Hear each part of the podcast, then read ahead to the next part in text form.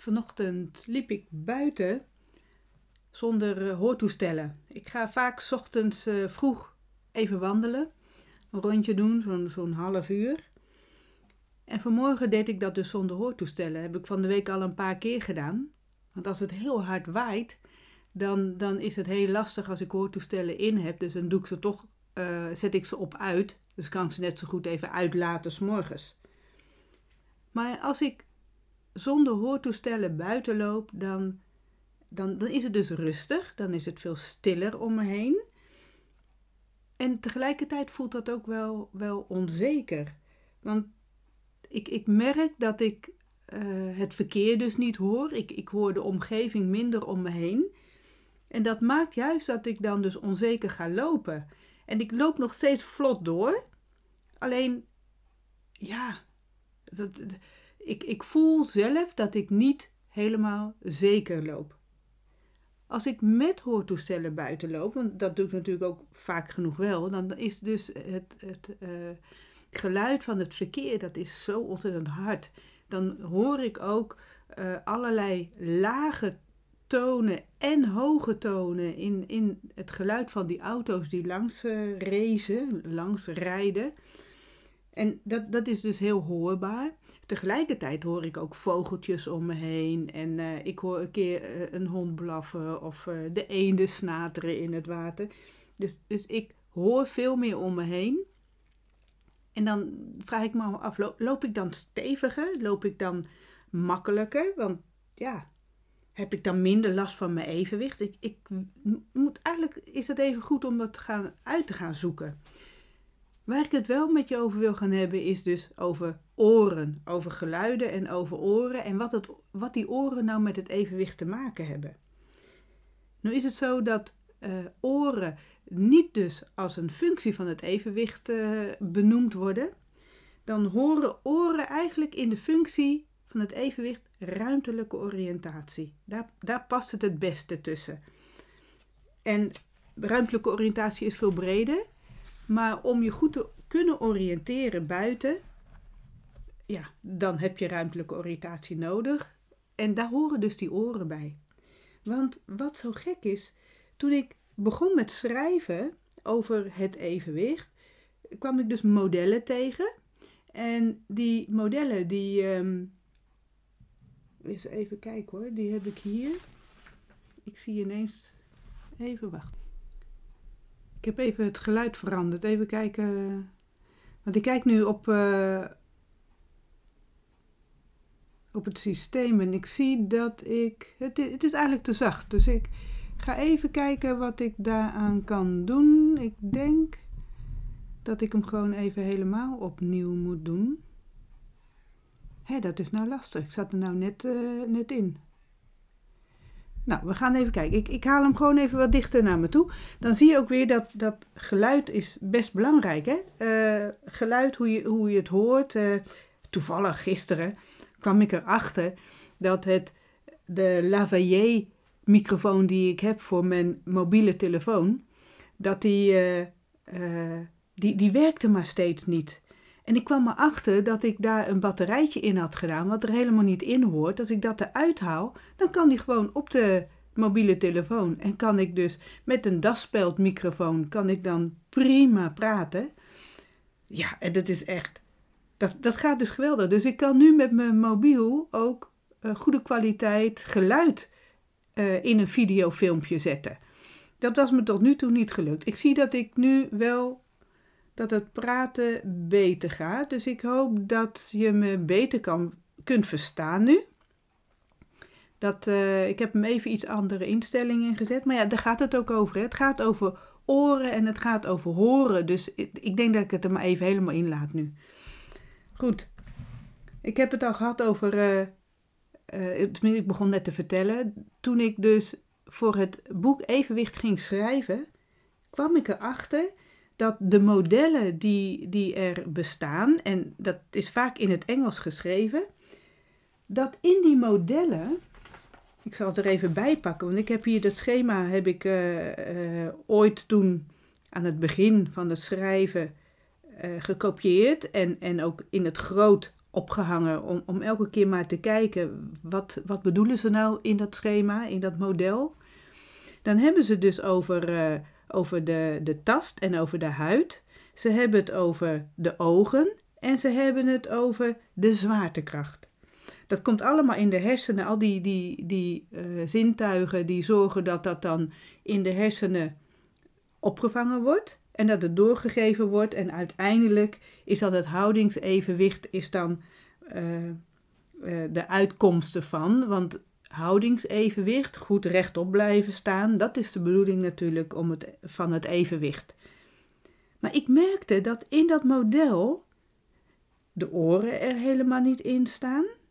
Maar ik zie ook dat de zwaartekracht, zwaartekracht zelf, is niet een zintuig. Is, dat, dat hoort niet in, bij de zintuigen te staan. Want de zwaartekracht zelf is geen zintuig. De zwaartekracht is een kracht die, die uh, er is in de aarde, die we niet eens kunnen zien en die er dus wel is. En dat is een soort stabiele factor. Maar die past niet in dat schema als je het hebt over zintuigen die nodig zijn voor dat evenwicht. Dus, dus ik begreep hem niet helemaal, die, die modellen in dat Engels. En ik miste dus echt die oren. Ik vind dat oren ook belangrijk zijn. En daar wil ik het dus even verder met je over hebben. Waarom ik dat nou belangrijk vind in relatie tot het evenwicht. En dat komt waarschijnlijk omdat ik dus zelf al merk dat er een verschil is als ik het niet goed hoor, dat het ook direct invloed heeft op mijn bewegen.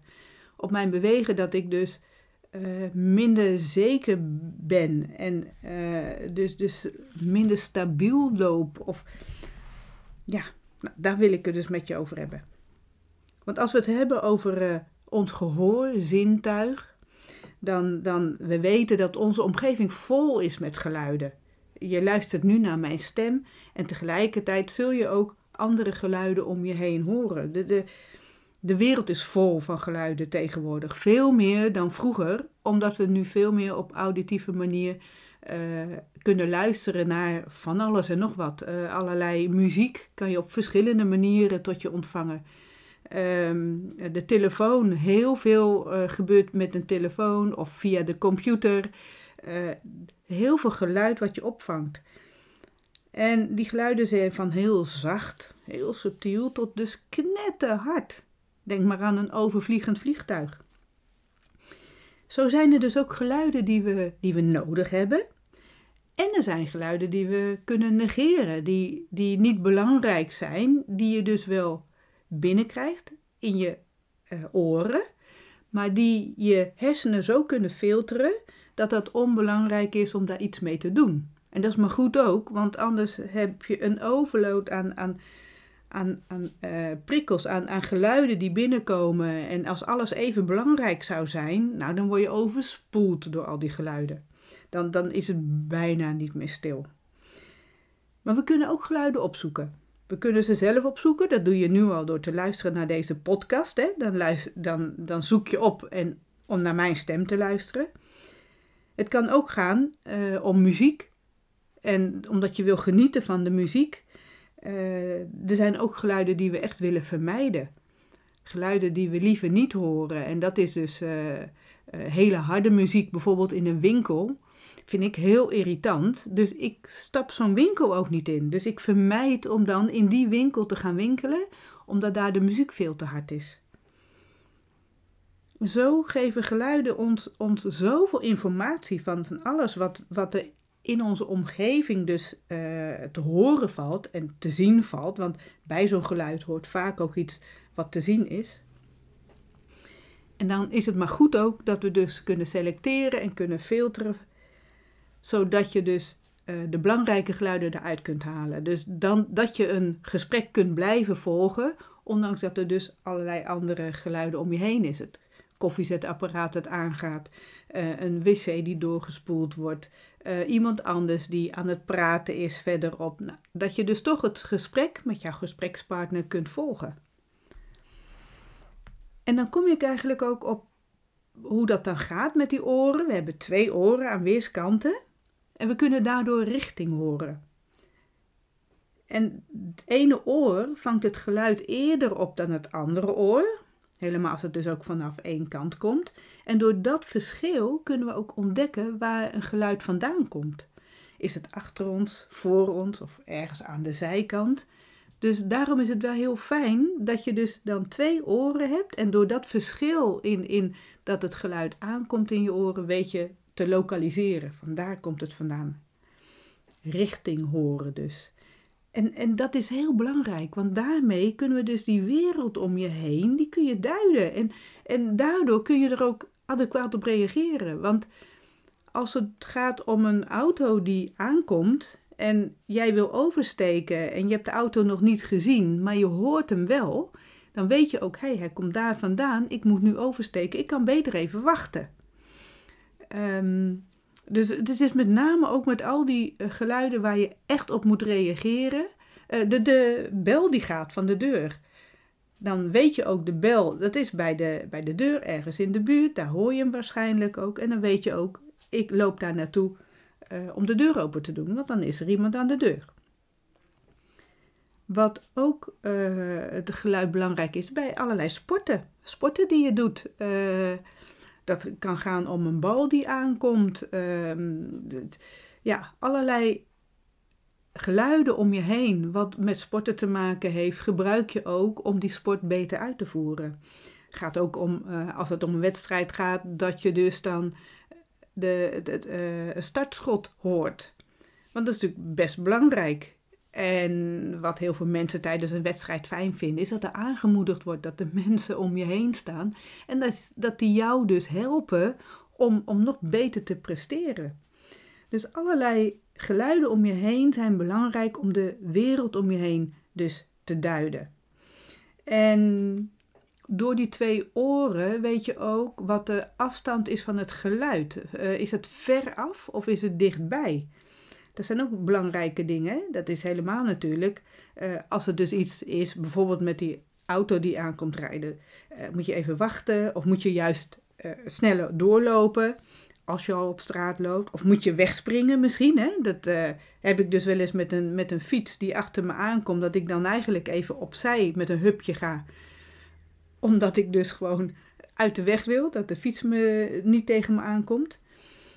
En als het gaat over een, een, een bal die aankomt, die je dus hoort aankomen, dat je dus in elkaar kunt duiken. Of dat je het juist kan opvangen.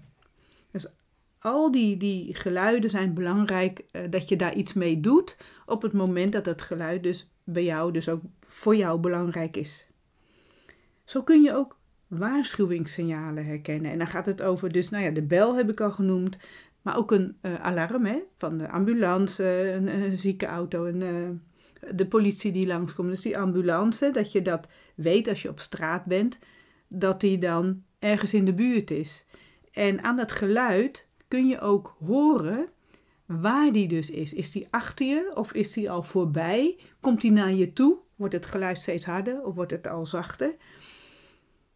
Uh, dat zijn dus hele uh, signalen die heel belangrijk zijn om dan dus uh, ook veilig in het verkeer te kunnen blijven functioneren. Als je weet dat die ambulance daar aankomt. Gelukkig gebeurt het niet heel vaak. het blaffen van een hond kan ook een signaal zijn dat, je, dat er iets aan de hand is omdat die hond begint te blaffen. dat er iets in je omgeving is waar je op moet letten. Of dat je juist weg moet springen omdat je niet wil dat die hond jou pakt. Dat is natuurlijk heel belangrijk. En wat verder ook belangrijk is, is dat tijdens de communicatie, dat je ook weet wie er begint met praten. Dat je dus dan uh, weet van is diegene links van mij of rechts van mij of, of achter je dat die begint te praten. En dat, dat is natuurlijk wel, als ze bij mij hier in huis iets roepen naar mij, dan hoor ik dus dat ze mijn naam uh, roepen. Maar ik heb echt geen idee wat ze zeggen. Omdat de afstand tussen waar ze staan en, en wat ze zeggen, dat, dat ik dat dus niet kan, kan opvangen. Mijn naam is dan nog heel duidelijk, maar wat daar achteraan komt, geen idee. Heel soms weet ik het wel, omdat ik dan als ik even wacht, dat ineens duidelijk wordt van, oh, dat is gezegd. Omdat ik de relatie ken van waarom ze roepen. Maar soms is het echt niet hoorbaar. Als iemand achter mij zit of staat of loopt en die gaat tegen mij praten, dan is het voor mij gewoon heel moeilijk. Dan, dan, dat is lastig. Kunnen ze ook beter niet doen. Nou, wat heeft dan dus dat gehoor met het evenwicht te maken? Nou, dat is pas dus ook op het moment als het gehoor niet goed werkt, dat je dat ook meteen merkt. Bij mensen die dus eenzijdig gehoorverlies hebben, die kunnen dus niet meer dat richting horen doen. Dus waar, waar komt dat geluid vandaan? En dan mis je direct een stukje informatie wat ook nodig is voor dat evenwichtssysteem. En tegelijkertijd, op het moment als jij aan één kant doof bent, ben je steeds met je hoofd heen en weer aan het kijken waar het geluid dan vandaan komt. Ik doe het zelf nu ook even, dus je zal het misschien in het geluid een beetje horen dat ik aan het draaien ben met mijn hoofd. Dan ben je op zoek naar het geluid of op zoek naar degene die het gesprek is begonnen. En dus, dus dan, als je je hoofd meer beweegt, heeft dat natuurlijk ook invloed meteen op dat evenwichtssysteem, wat dus geprikkeld wordt, wat echt veel meer in gang wordt gezet. En tegelijkertijd is dat ook voor je nekspieren natuurlijk heel belangrijk. En de nekspieren zijn heel belangrijk voor het evenwichtssysteem. Daar kom ik later nog wel een keer op. Maar het kost dus extra energie als je aan één kant doof bent om dus geluiden te lokaliseren. Zo zijn er ook mensen die plots doof worden, die allebei de oren in één keer doof zijn. Of dus ernstig gehoorverlies kan ook, dat het heel veel is wat ze verloren hebben, dat ze nog een klein beetje wel kunnen horen. Veel mensen die in één keer plots doof worden, kunnen dus ook last krijgen van evenwichtsklachten.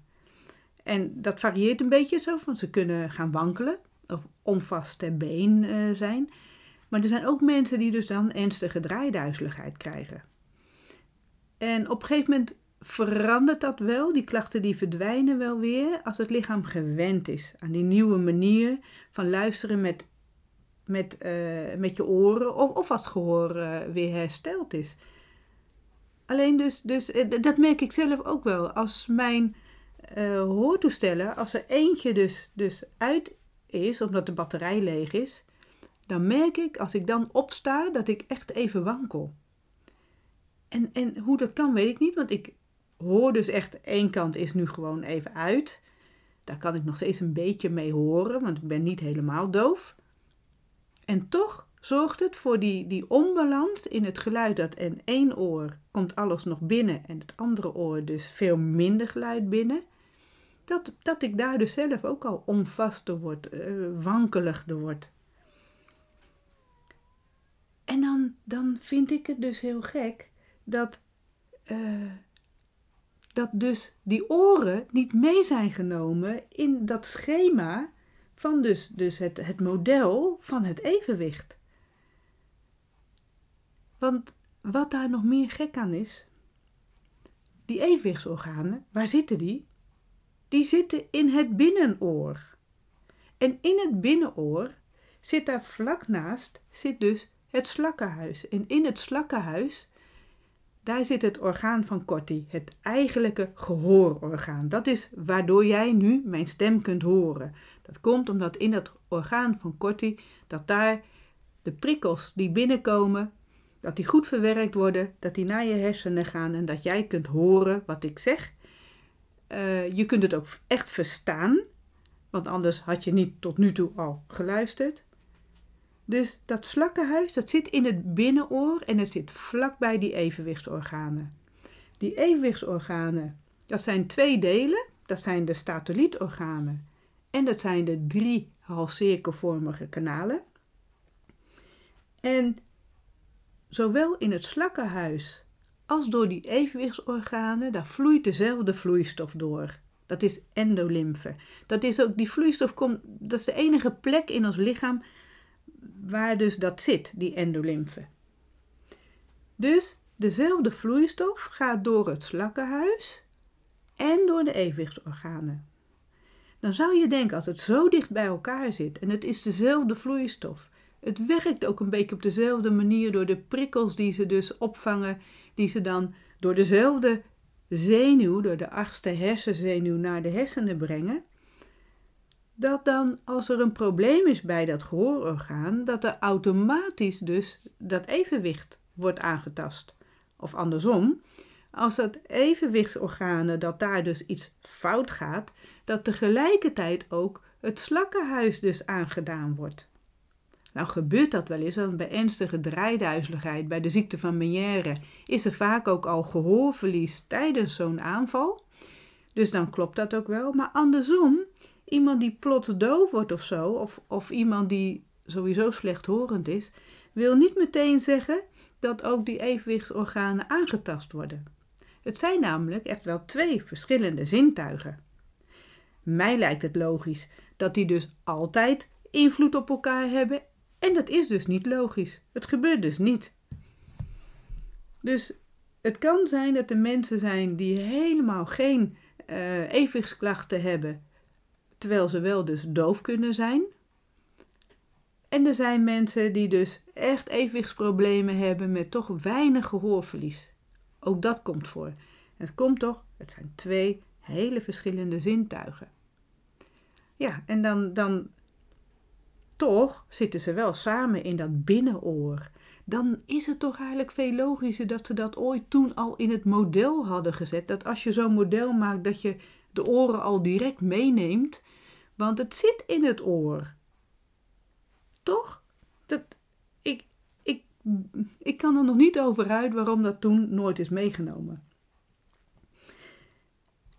Ja, en dan. Uh, ik, ga even kijken wat ik er verder nog over had opgeschreven. Ik schrijf altijd uh, voordat ik de podcast begin een, een paar uh, trefwoorden op, wat korte zinnetjes die belangrijk zijn waar ik het over wil hebben. En dan ga ik even, ja, ik heb volgens mij alles daar wel over genoemd wat ik belangrijk vind. Dus die oren hebben echt een belangrijke rol in het evenwichtssysteem. Dat is wat ik je mee wil geven in deze podcast over je oren. Hè? Wat hoor je dan? Dus die oren, een zintuig wat wel degelijk hoort bij het evenwicht. En dan, uh, ja, ik heb eigenlijk niet voor niks ook dat de radioprogramma Hoor jij wat ik hoor? Want vroeger was horen voor mij best een, een, een beladen woord, omdat ik zelf niet zo goed hoorde was dat hele woord horen. Nee, ik, ik vond dat moeilijk. Tegenwoordig is horen voor mij een woord wat overal bij hoort. Bij alles wat ik doe, podcast maken, radio maken. Uh, het past ook dus in dat model van het evenwicht.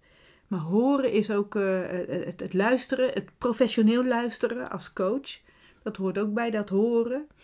Uh, het feit dat ik met hoortoestellen begonnen ben en een hele geluiden ontdekkingsreis heb meegemaakt, dat ik allerlei geluiden ging horen die ik mijn hele leven nog niet heb gehoord, dat maakt dat dat horen voor mij eh, iets heel moois is geworden. Een soort mooie ronde, ronde vorm. Zo zie ik horen al voor me. Ik doe het met mijn handen, je kunt het niet zien, maar een mooie ronde vorm. Dus, dus horen, ja, wat hoor je dan? Uh, en tegelijkertijd, als het stil is in mijn omgeving, heb ik zelf altijd heel veel geluid in mijn hoofd, omdat die tinnitus er ook nog steeds is.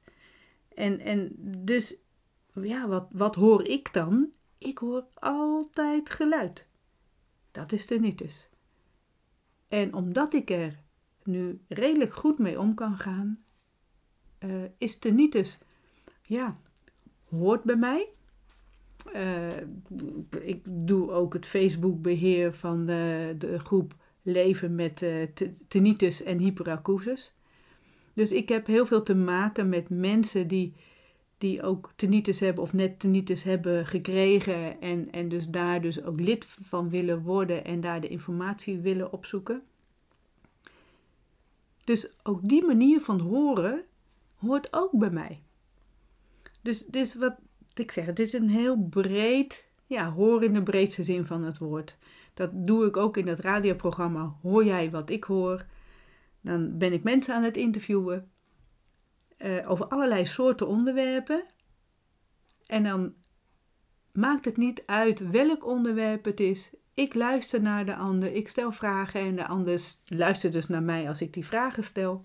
Dus ook dat, dat gaat over horen, luisteren, uh, spraak verstaan in dit geval. En als jij tot nu toe hebt kunnen luisteren naar mij, dan is dat dus spraak verstaan wat jij doet. Jij kunt mijn spraak verstaan. Hoe mooi is dat? Dus wat hoor jij dan?